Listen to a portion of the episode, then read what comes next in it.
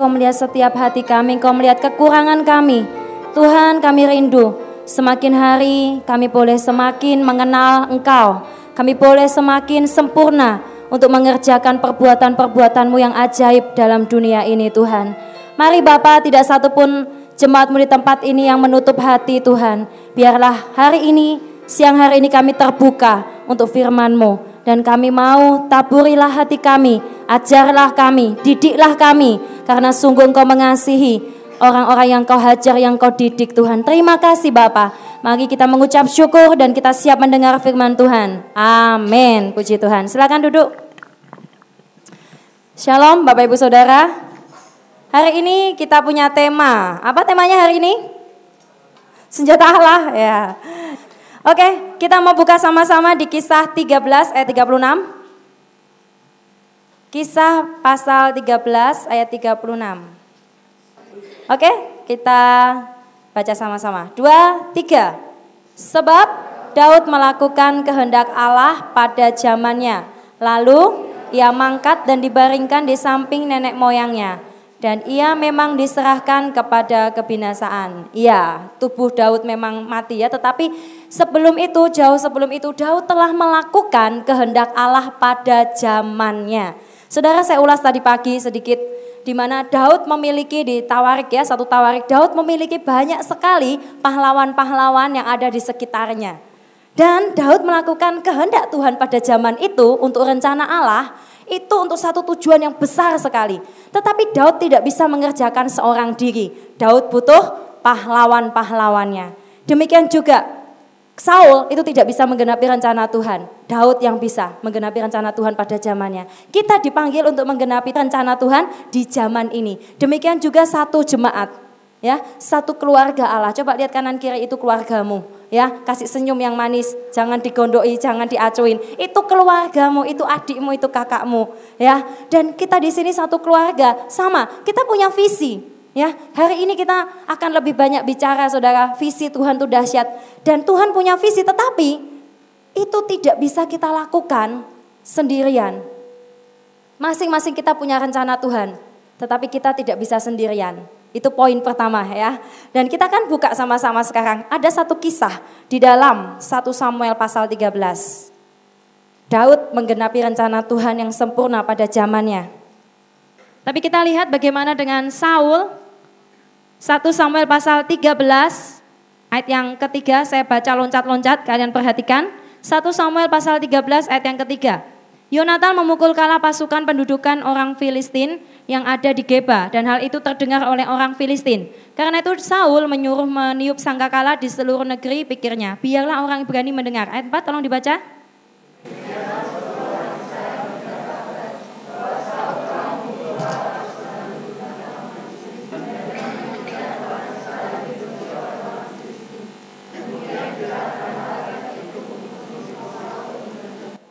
Adapun orang Filistin yang telah berkumpul untuk berperang melawan orang Israel dengan 3.000 kereta, 6.000 orang pasukan berkuda dan pasukan pejalan kaki sebanyak pasir di tepi laut. Mereka bergerak maju dan berkemah di Mikmas di sebelah timur Bet Awen. 6.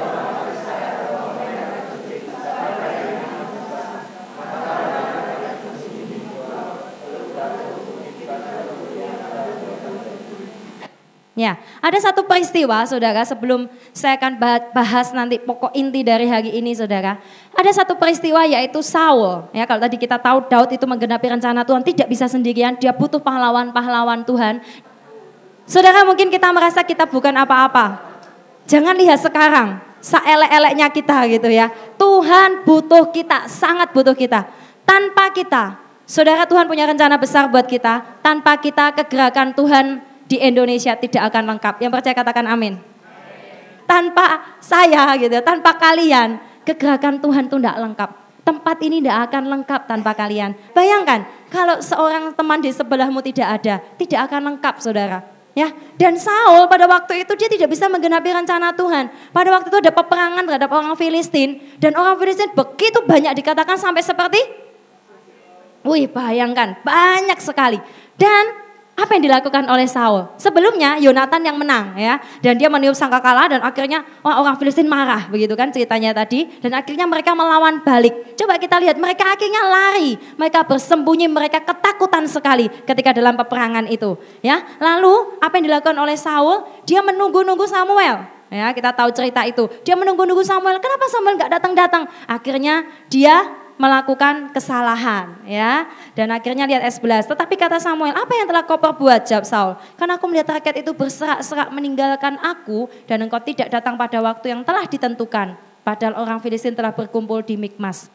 Saudara ini kesalahan yang fatal dari seorang Saul. Akhirnya Samuel berkata ayat 13, perbuatanmu itu bodoh. Engkau tidak mengikuti perintah Tuhan Allahmu yang diperintahkannya kepadamu.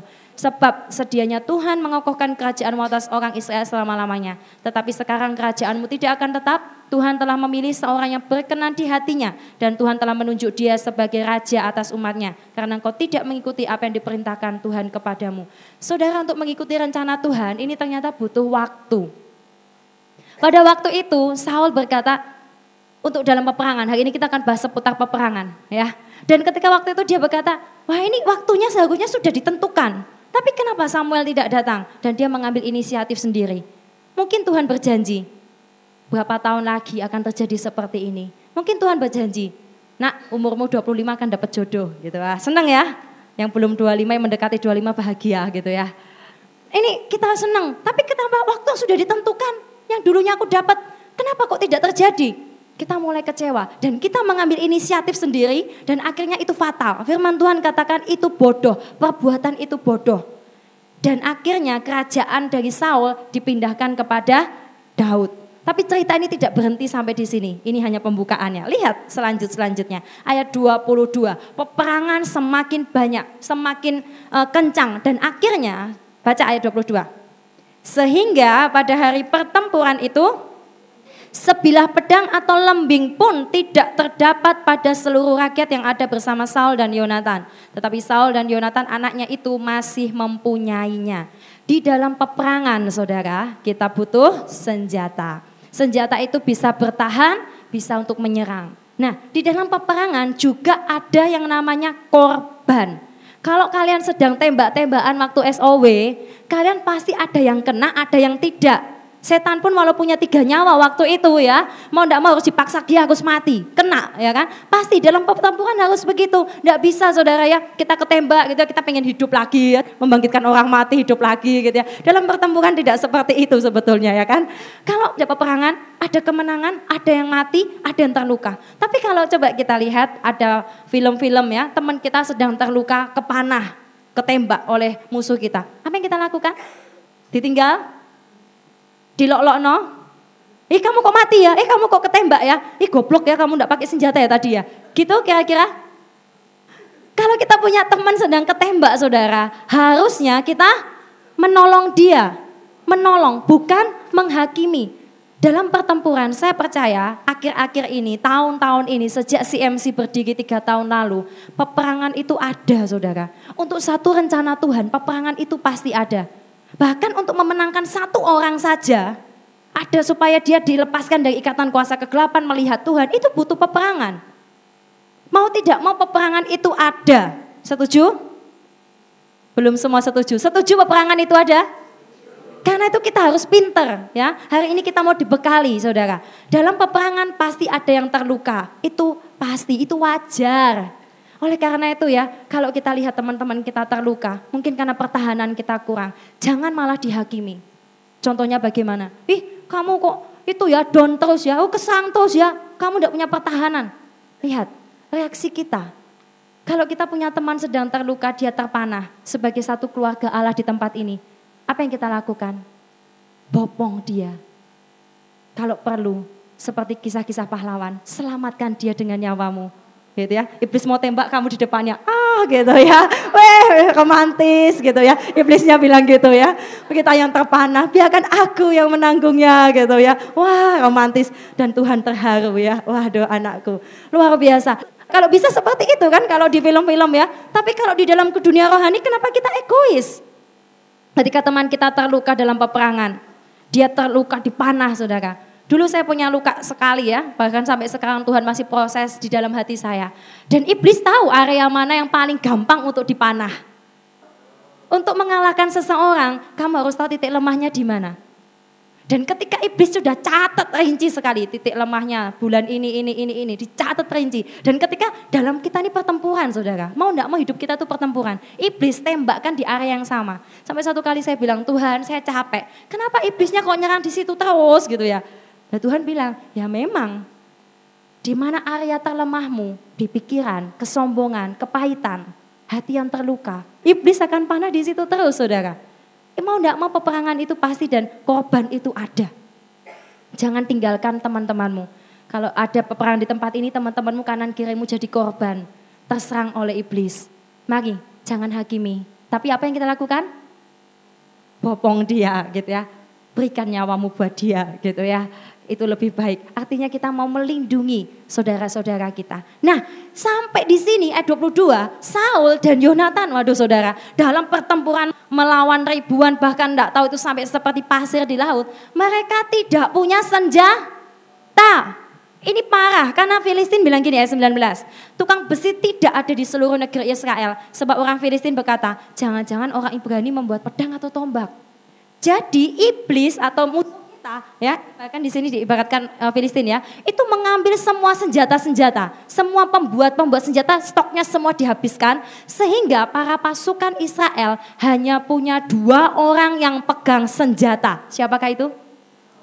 Saul dan Yonatan. Bisa bayangkan hari ini kita bicara tentang senjata Allah celah dalam senjata Allah. Saudara ternyata senjata itu dalam peperangan senjata ini sangat penting dan ketika ini tidak ada senjata sama sekali. Senjata itu ternyata ada celahnya. Maksudnya bagaimana? Saya akan jelaskan sedikit. Coba kita lihat Efesus 6.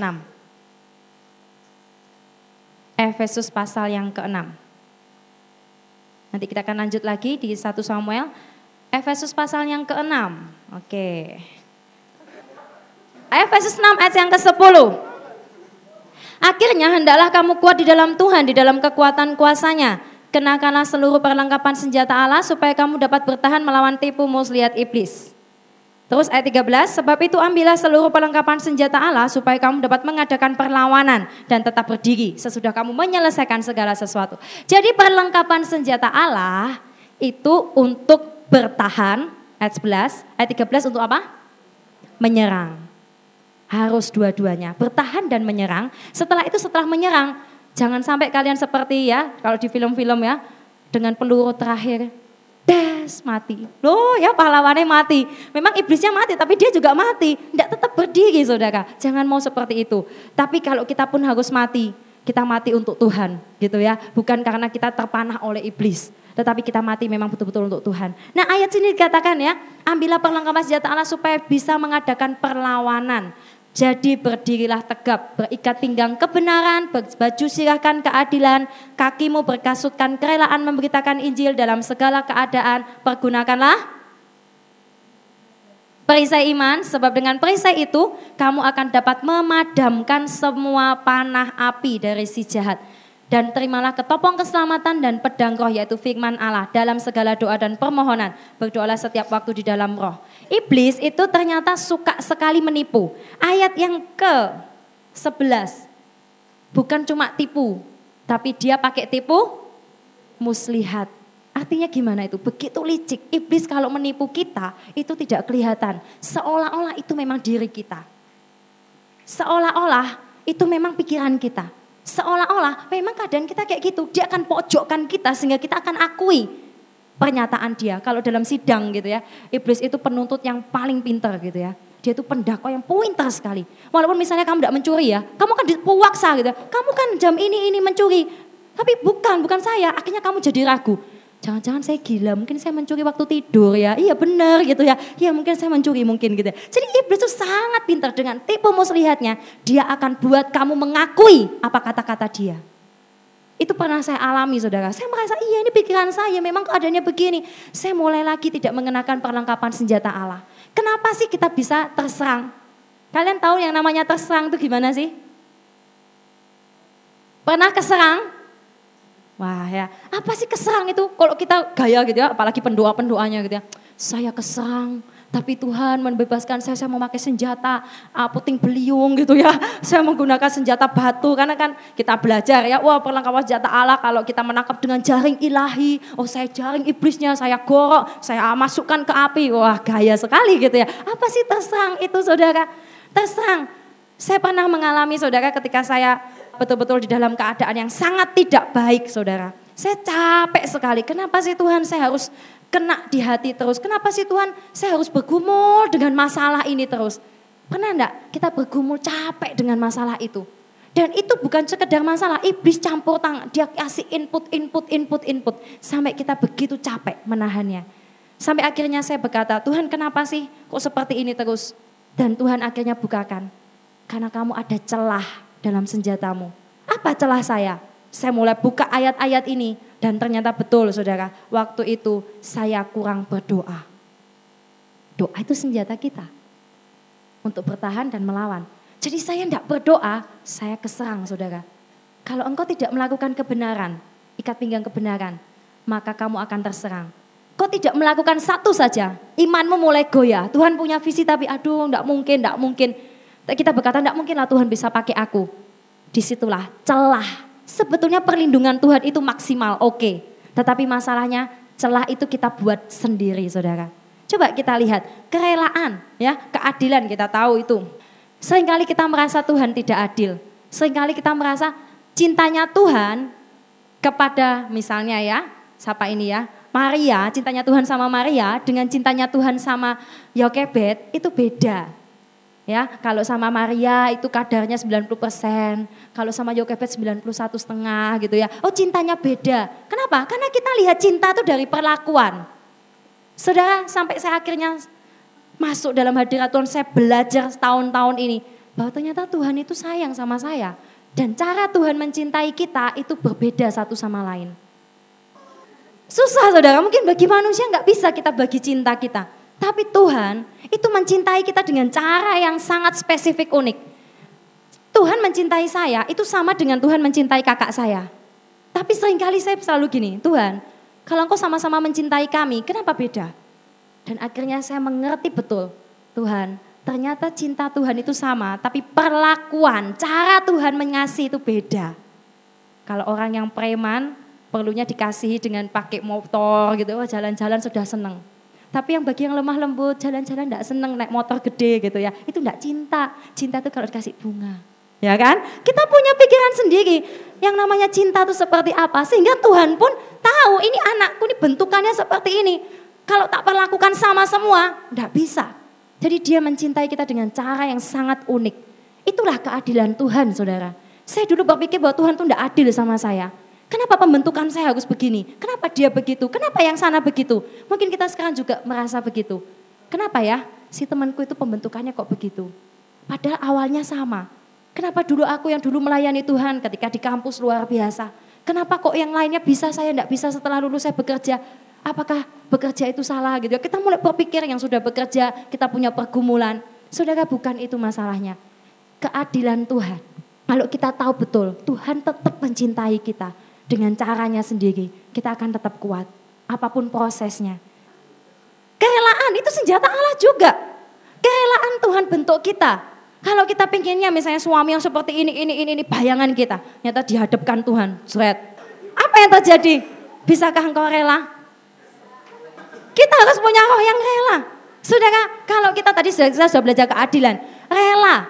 ya Itu penting. Dulu ketika saya pelayanan saudara masih ya di tempat ini, Tuhan bentuk saya, saya tidak rela sama sekali. Sedikit-sedikit misalnya saya yang gini, saya gini, saya nangis saudara, saya tidak kuat. Hati saya sakit sekali. Selalu saya katakan Tuhan kok tidak adil sama aku. Tuhan aku tidak rela. Sampai akhirnya saya selalu bertanya sama Tuhan, Tuhan kenapa? Kenapa Tuhan? Saya tidak rela. Sampai akhirnya Tuhan ajarkan, tanpa kamu punya hati yang rela, kamu akan tetap sakit. Kalau kita punya kepahitan, untuk supaya kamu tidak punya kepahitan lagi, relakan, ya kan? Untuk supaya kamu bisa mendapatkan rencana Tuhan. Kalau ternyata Tuhan bilang, kau harus jadi full timer, gitu ya. Tidak usah menikah seumur hidupmu. Rela, itu butuh kerelaan kan gitu ya. Ya gitu, setiap kita butuh kerelaan. Dan kerelaan itu ternyata ada tingkatannya, terus dilatih saudara. Yang dulu misalnya diminta sama Tuhan, nah aku minta uang 500 ribu gitu ya. Oke Tuhan tak kasih, rela. Lama-lama sudah Tuhan minta 2 juta. 2 juta, aduh saya mikir-mikir, nangis satu kali tetes, satu tetes saja gitu ya. Oke Tuhan gitu ya tak kasih gitu ya. Besoknya lagi saudara, Tuhan minta, nak 10 juta untuk bikin SD nak. Gitu ya. Uh, netesnya bukan satu kali gitu ya, seribu kali tes tes tes tes tes gitu ya. Aduh Tuhan ini semua tabunganku loh gitu ya. Kerelaan itu butuh tingkatan, butuh waktu terus. Akhirnya saudara, sampai kerelaan itu diiringi oleh kematian kita. Sampai kita mati, akhirnya apa pun yang Tuhan mau. Kalau Tuhan ingin kau pelayanan, Tuhan ingin kau lepaskan hobimu, Tuhan ingin kau lepaskan kenyamananmu. Banyak di sini calon-calon pelayan Tuhan baru saya senang. Kalau tidak ada yang mendaftar saya sedih saudara, kenapa? Tidak punya kerinduan untuk melayani Tuhan. Tapi saya senang semuanya mau melayani Tuhan. Amin. Saya rindu gereja ini tidak ada jemaatnya. Tapi semua pelayan Tuhan gitu ya. Sehingga begitu banyak nanti banyak jemaat-jemaat lagi jadi pelayan lagi. Sampai semuanya betul-betul melayani Tuhan. Ini luar biasa. Kerelaan saudara itu butuh ya. Iman. Sama iman itu perisai. Ya, kalau kita tidak punya iman, segala sesuatu yang dilakukan tanpa iman itu dosa. Ya, kalau kamu misalnya diajak dikasih temanmu gitu ya, kamu ragu, ah jangan-jangan kamu kasih racun, itu juga dosa saudara. Ya, jadi apa pun Apa pun yang tidak dilakukan dengan iman itu dosa. Iman itu untuk memadamkan panah api. Ya, iman. Saudara, tempat ini butuh iman yang besar. Karena visi kita juga besar. Kalau kalian cuma punya iman satu kursi saja, oke, okay, tabunglah, maka cukup. Tapi kalau kita punya visi panti asuhan yang besar, panti jompo, sekolah, anak-anak jalanan, balai latihan kerja, Semuanya kita harus punya saudara untuk menjangkau jiwa-jiwa ini. Maka kita butuh iman yang sangat gede. Kita butuh kesabaran saudara. Kesabaran itu bukan memadamkan roh. Tanamkan di hati kalian. Mungkin kalian bilang gini, aduh cek kapan visi Tuhan terjadi. Saya juga menantikannya saudara, betul. Tetapi saudara kesabaran itu bukan memadamkan roh. Mari kita sama-sama belajar. ya Firman Tuhan itu pedang. ya Kalau kita lagi sedih, kita capek, kita lagi down Baca saja firman Tuhan. Firman Tuhan itu penuh kuasa. Saya pernah tes saudara. Betul, ketika saya itu saya mau cobai Tuhan ya. Ya saya cukup berdosa waktu itu. Saya ingin tahu, benar nggak sih kalau saya baca firman saya bisa kuat lagi ya. Dan saya betul, saya baca, saya baca, saya coba cari Tuhan. Dan betul saya dapatkan kekuatan yang luar biasa dalam firman ini. Dia mengajarkan saya pada waktu itu Roma. Dia suruh saya baca Roma saudara. Saya baca semua Roma itu, semua kitab Roma. Dan akhirnya saya dapat kekuatan yang sangat luar biasa untuk mengalahkan iblis yang sedang menggocoh saya waktu itu. Jadi firman Tuhan itu penting saudara. ya. Dan kemudian doa. Kita balik lagi ya di 1 Samuel 1 Samuel 14. Jadi senjata Allah tadi ya, Saul dan Yonatan bahkan semua rakyatnya tidak punya senjata ya. Jadi hanya dua saja yang punya senjata. Lalu apa yang terjadi setelah itu? Apakah mereka bisa menang? Dengan hanya dua senjata saja. Walaupun saudara, mungkin kita tidak punya senjata yang banyak, tetapi ada sesuatu kuasa Allah yang tidak boleh kita lewatkan. Di mana ada pemulihan besar. Kalau kita merasa sekarang hidup kita seolah-olah sudah diinjak-injak oleh musuh kita. Kita terikat dengan dosa, tapi tidak bisa lepas. Kita sakit dan tidak bisa sembuh. Mungkin kita merasa, aduh tidak mungkin aku sembuh, tidak mungkin aku lepas. Ada kuasa Tuhan, itu satu faktor ya. Kepahlawanan Yonatan. Yuk kita baca. Ayat, ayat 1. Pada satu hari Yonatan bin Saul berkata kepada bujang pembawa senjatanya, Mari kita menyeberang ke dekat pasukan pengawal orang Filistin yang di sebelah sana. Tetapi tidak diberitahukannya hal itu kepada ayahnya. Adapun Saul duduk di ujung Gibea di bawah pohon delima yang di Migron. Dan rakyat yang bersama-sama dengan dia kira-kira 600 orang banyaknya. Kemudian ayat yang keempat, di antara pelintasan-pelintasan bukit yang dicoba Yonatan menyeberanginya ke arah pasukan pengawal orang Filistin, ada ujung bukit batu di sebelah sini dan ada ujung bukit batu di sebelah sana. Yang satu bernama Boses, yang lain bernama Sene. Ayat yang keenam. Yonatan kepada bujang pembawa senjatanya. Mari kita menyeberang ke dekat pasukan pengawal orang yang tidak bersunat ini. Mungkin Tuhan akan bertindak untuk kita. Sebab bagi Tuhan tidak sukar untuk menolong baik dengan banyak orang maupun dengan sedikit orang. Lalu jawab pembawa senjatanya itu kepadanya, lakukan niat hatimu itu, sungguh aku sepakat. Kata Yonatan, perhatikan kita menyeberang ke dekat orang-orang itu dan memperlihatkan diri kepada mereka. Apabila kata mereka kepada kita begini, berhentilah sampai kami datang kepadamu, maka kita tinggal berdiri di tempat ini dan tidak naik mendapatkan mereka. Tetapi apabila kata mereka begini, naiklah kemari, maka kita akan naik. Sebab kalau demikian Tuhan telah menyerahkan mereka ke dalam tangan kita. Itulah tandanya bagi kita. Ini satu tindakan yang sangat di luar masuk akal, saudara. Orang Filistin banyak, bukan banyak lagi. Banyak sekali. Mereka punya kubu yang sangat kuat dan orang Israel sudah takut semuanya. Mereka sudah sembunyi-sembunyi. Tetapi yang terjadi, Saul punya senjata, Daud punya senjata. Saul takut, itulah sifat Saul. Tetapi Yonatan beda. Walaupun dia punya senjata dengan pembawa senjatanya, ya hanya dia yang punya senjata. Dia naik, dia masuk ke dalam apa ya? Satu kubu orang Filistin dan dia berkata begini, kalau nanti mereka bilang diem, maka kita diem. Tapi kalau mereka bilang naik, itu berarti Tuhan akan memberikan mereka kepada kita. Satu tindakan langkah iman yang sulit untuk dilogika. Dia bilang gini, tidak susah bagi Tuhan untuk menolong banyak atau sedikit orang. Percayakah kita dari tempat yang kecil ini, kamu akan jadi orang yang dahsyat. Percaya? Kita harus percaya saudara. Karena apa? Yang kecil pun, kegerakan yang kecil ini dilakukan oleh Yonatan mengakibatkan sesuatu yang sangat tidak masuk akal. Dia menentang kemustahilan. Ya, coba apa yang terjadi? Ketika mereka keduanya memperlihatkan diri kepada pasukan orang Filistin. Berkatalah orang Filistin, lihat orang-orang Ibrani keluar dari lubang-lubang tempat mereka bersembunyi. Orang-orang dari pasukan pengawal itu berseru kepada Yonatan dan pembawa senjatanya. Katanya gimana? Naiklah kemari maka kami akan menghajar kamu. Lalu kata Yonatan kepada pembawa senjatanya, naiklah mengikuti aku, sebab Tuhan telah menyerahkan mereka ke dalam tangan orang Israel. Lalu mereka naik dan mereka menimbulkan kekalahan yang pertama dikatakan ayat 14 yang ditimbulkan Yonatan. 20 orang dalam jarak kira-kira setengah alur dari pembajakan ladang. Ya, 20 orang ya sekitar ya jaraknya tidak terlalu jauh ya, setengah dari alur pembajakan ladang. 20 orang. Hanya itu saudara. Tapi kita lihat di sini ada kuasa kesepakatan. Seperti yang tadi saya awal katakan. Ketika Daud ini punya rencana Tuhan yang besar dalam hidupnya untuk melakukan kegerakan Tuhan pada zamannya, dia butuh pahlawan. Tempat ini butuh kalian untuk melakukan kehendak Allah. Tanpa kalian kegerakan Tuhan di Indonesia tidak akan lengkap. Amin. Demikian juga sama. Yonatan dan pembawa senjatanya Katakan, apa pun yang kamu lakukan, aku sepakat. Contohnya tempat ini bilang, jemaah sepakat kalau suatu saat kita buat lapangan pekerjaan, jangan cuma sepakat.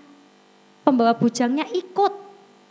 Saya percaya kalau dia dengan Yonatan ya, kamu sepakat denganku, pembawa senjataku? Iya sepakat, nyoh senjata nih, perangan dewek gitu ya. Saya percaya akan dikepuk gitu, Rung, gitu ya. Wah ini gak sepakat namanya gitu ya. Sepakat itu artinya ikut saudara. Amin. Sepakat itu memiliki. Dan bujangnya tahu loh harganya. Kalau dia tidak punya kepercayaan, saudara, saya tahu dia ini harganya mati nih pasti. Ini goblok ini Yonatan, tuanku ini. Satu orang mau ngelawan, hanya cuma satu senjata mau ngelawan orang Filistin. Mustahil, mustahil gitu ya. Tapi pembawa senjatanya ini punya iman. Oke, apa pun aku sepakat. Dan betul, ketika mereka sepakat, mereka bergerak. Tuhan campur tangan. Coba lihat ayat selanjutnya. Ayat 15. Ayo kalian yang baca. 15. 1, 2, 3.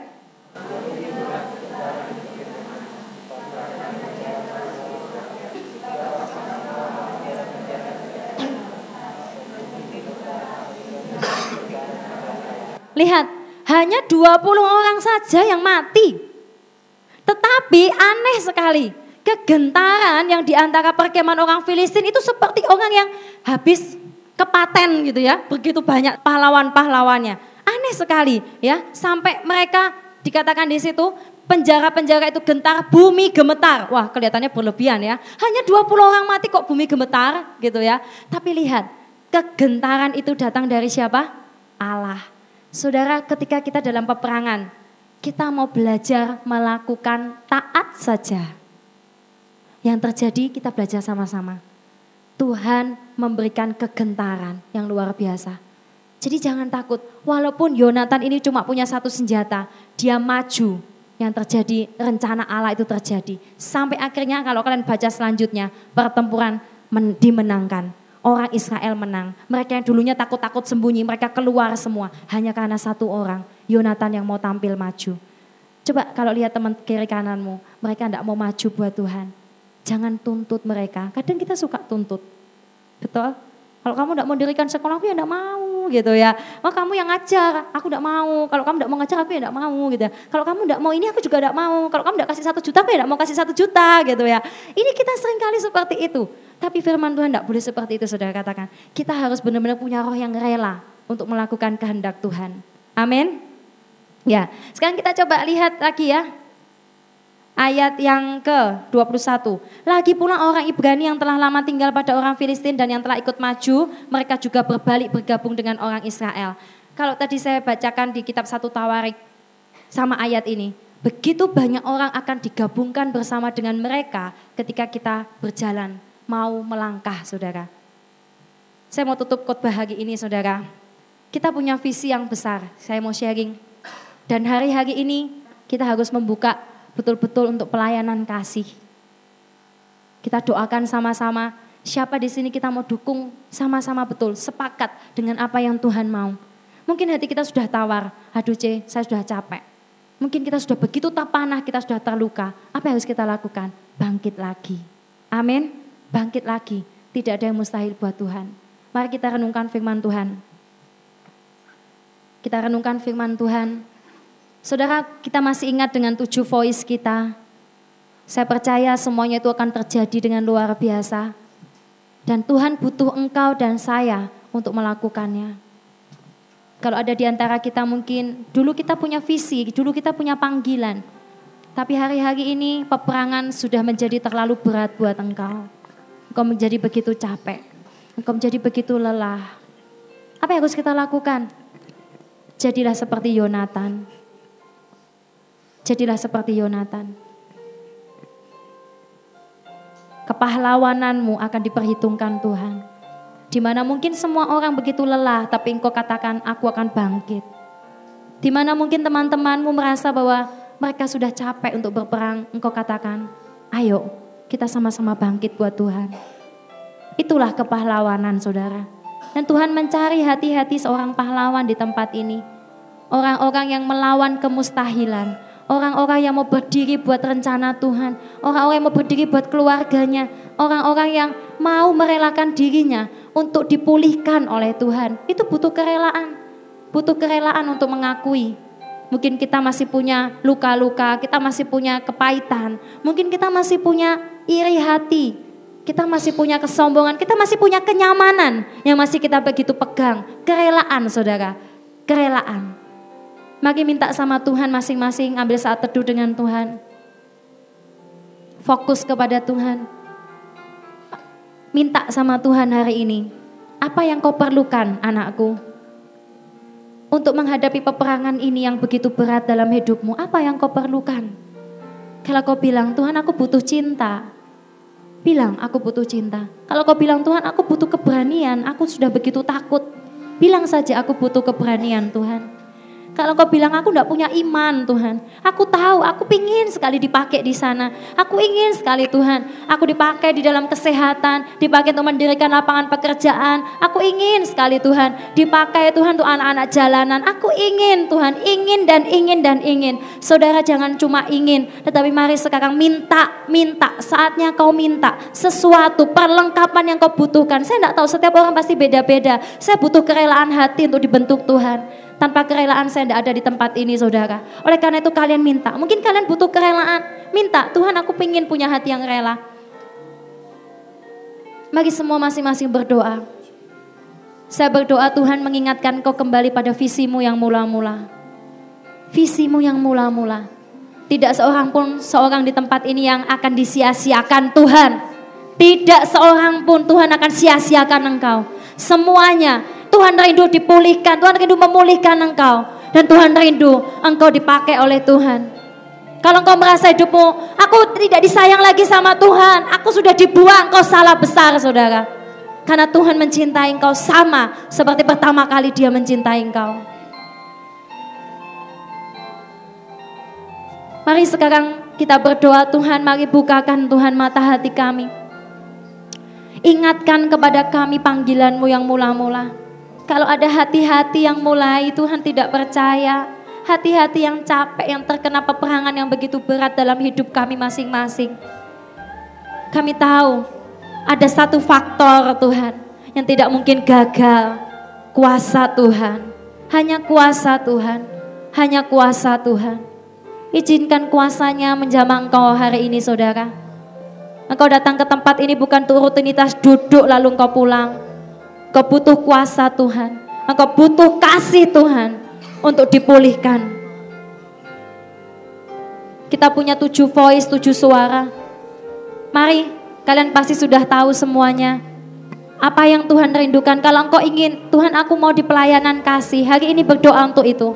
Kalau kau berkata, Tuhan aku ingin bergerak di bidang salvation, aku ingin jadi penginjil. Ayo doakan. Kalau kau berkata, Tuhan aku dulu pernah punya keinginan, aku ingin mendirikan balai-balai latihan kerja. Aku ingin menolong ibu-ibu yang tidak mampu. Aku ingin Tuhan menolong orang-orang yang sakit menyembuhkan mereka. Doakan saudara. Tidak akan terjadi kalau kau tidak pernah mengandung janji Tuhan itu. Seringkali kita tuntut Tuhan untuk lakukan, tapi kita tidak mau mengandung janji Tuhan. Mengandung janji Tuhan itu sakit. Sudahkah engkau mengandung janji Tuhan? Mengandung itu butuh waktu. Mari engkau yang mau saudara berdoa. Berdoa kepada Tuhan, aku mau. Apa janji Tuhan dalam hidupmu? Tuhan, hambamu tidak bisa berkata apa-apa lagi Tuhan. Kami tidak bisa membangkitkan siapa pun tapi engkau yang sanggup memulihkan setiap jemaatmu yang ada di tempat ini Tuhan. Bentuk kami hari demi hari Tuhan. Kalau kami ada yang salah Tuhan, pikiran-pikiran kami, pembenaran-pembenaran kami, tolong benarkan kami Tuhan, kami siap untuk dibentuk, kami siap merelakan diri kami Tuhan. Mari Bapak, untuk setiap rencana-rencana kami ke depan, untuk setiap gate-gate yang harus kami buka tahun demi tahun ke depan, Engkau butuh kami Tuhan, Engkau butuh kami. Berikan kami kerelaan untuk tidak memikirkan apa yang namanya duniawi, tapi berikan kami kerelaan untuk memikirkan perkara-perkara yang rohani, yang jauh lebih berharga. Terima kasih Tuhan. Kami serahkan dalam tanganmu sepanjang hari ini Tuhan dalam tanganmu di dalam nama Yesus. Meteraikan firmanmu dan biarkan Tuhan apa yang sudah kami dengar kami lakukan. Engkau kuatkan, Engkau berikan benteng-bentengmu yang kuat dalam hidup kami. Dan setiap celah-celah Tuhan di dalam kehidupan kami. Mari Tuhan, ajari kami untuk menjagai diri kami sendiri, menjaga hidup kami Tuhan bersama dengan Engkau. Terima kasih Bapa, kami percaya kami semua orang yang diurapi Tuhan, orang yang dipakai, orang yang dipilih menjadi anak-anak perjanjianmu. Haleluya. Amin.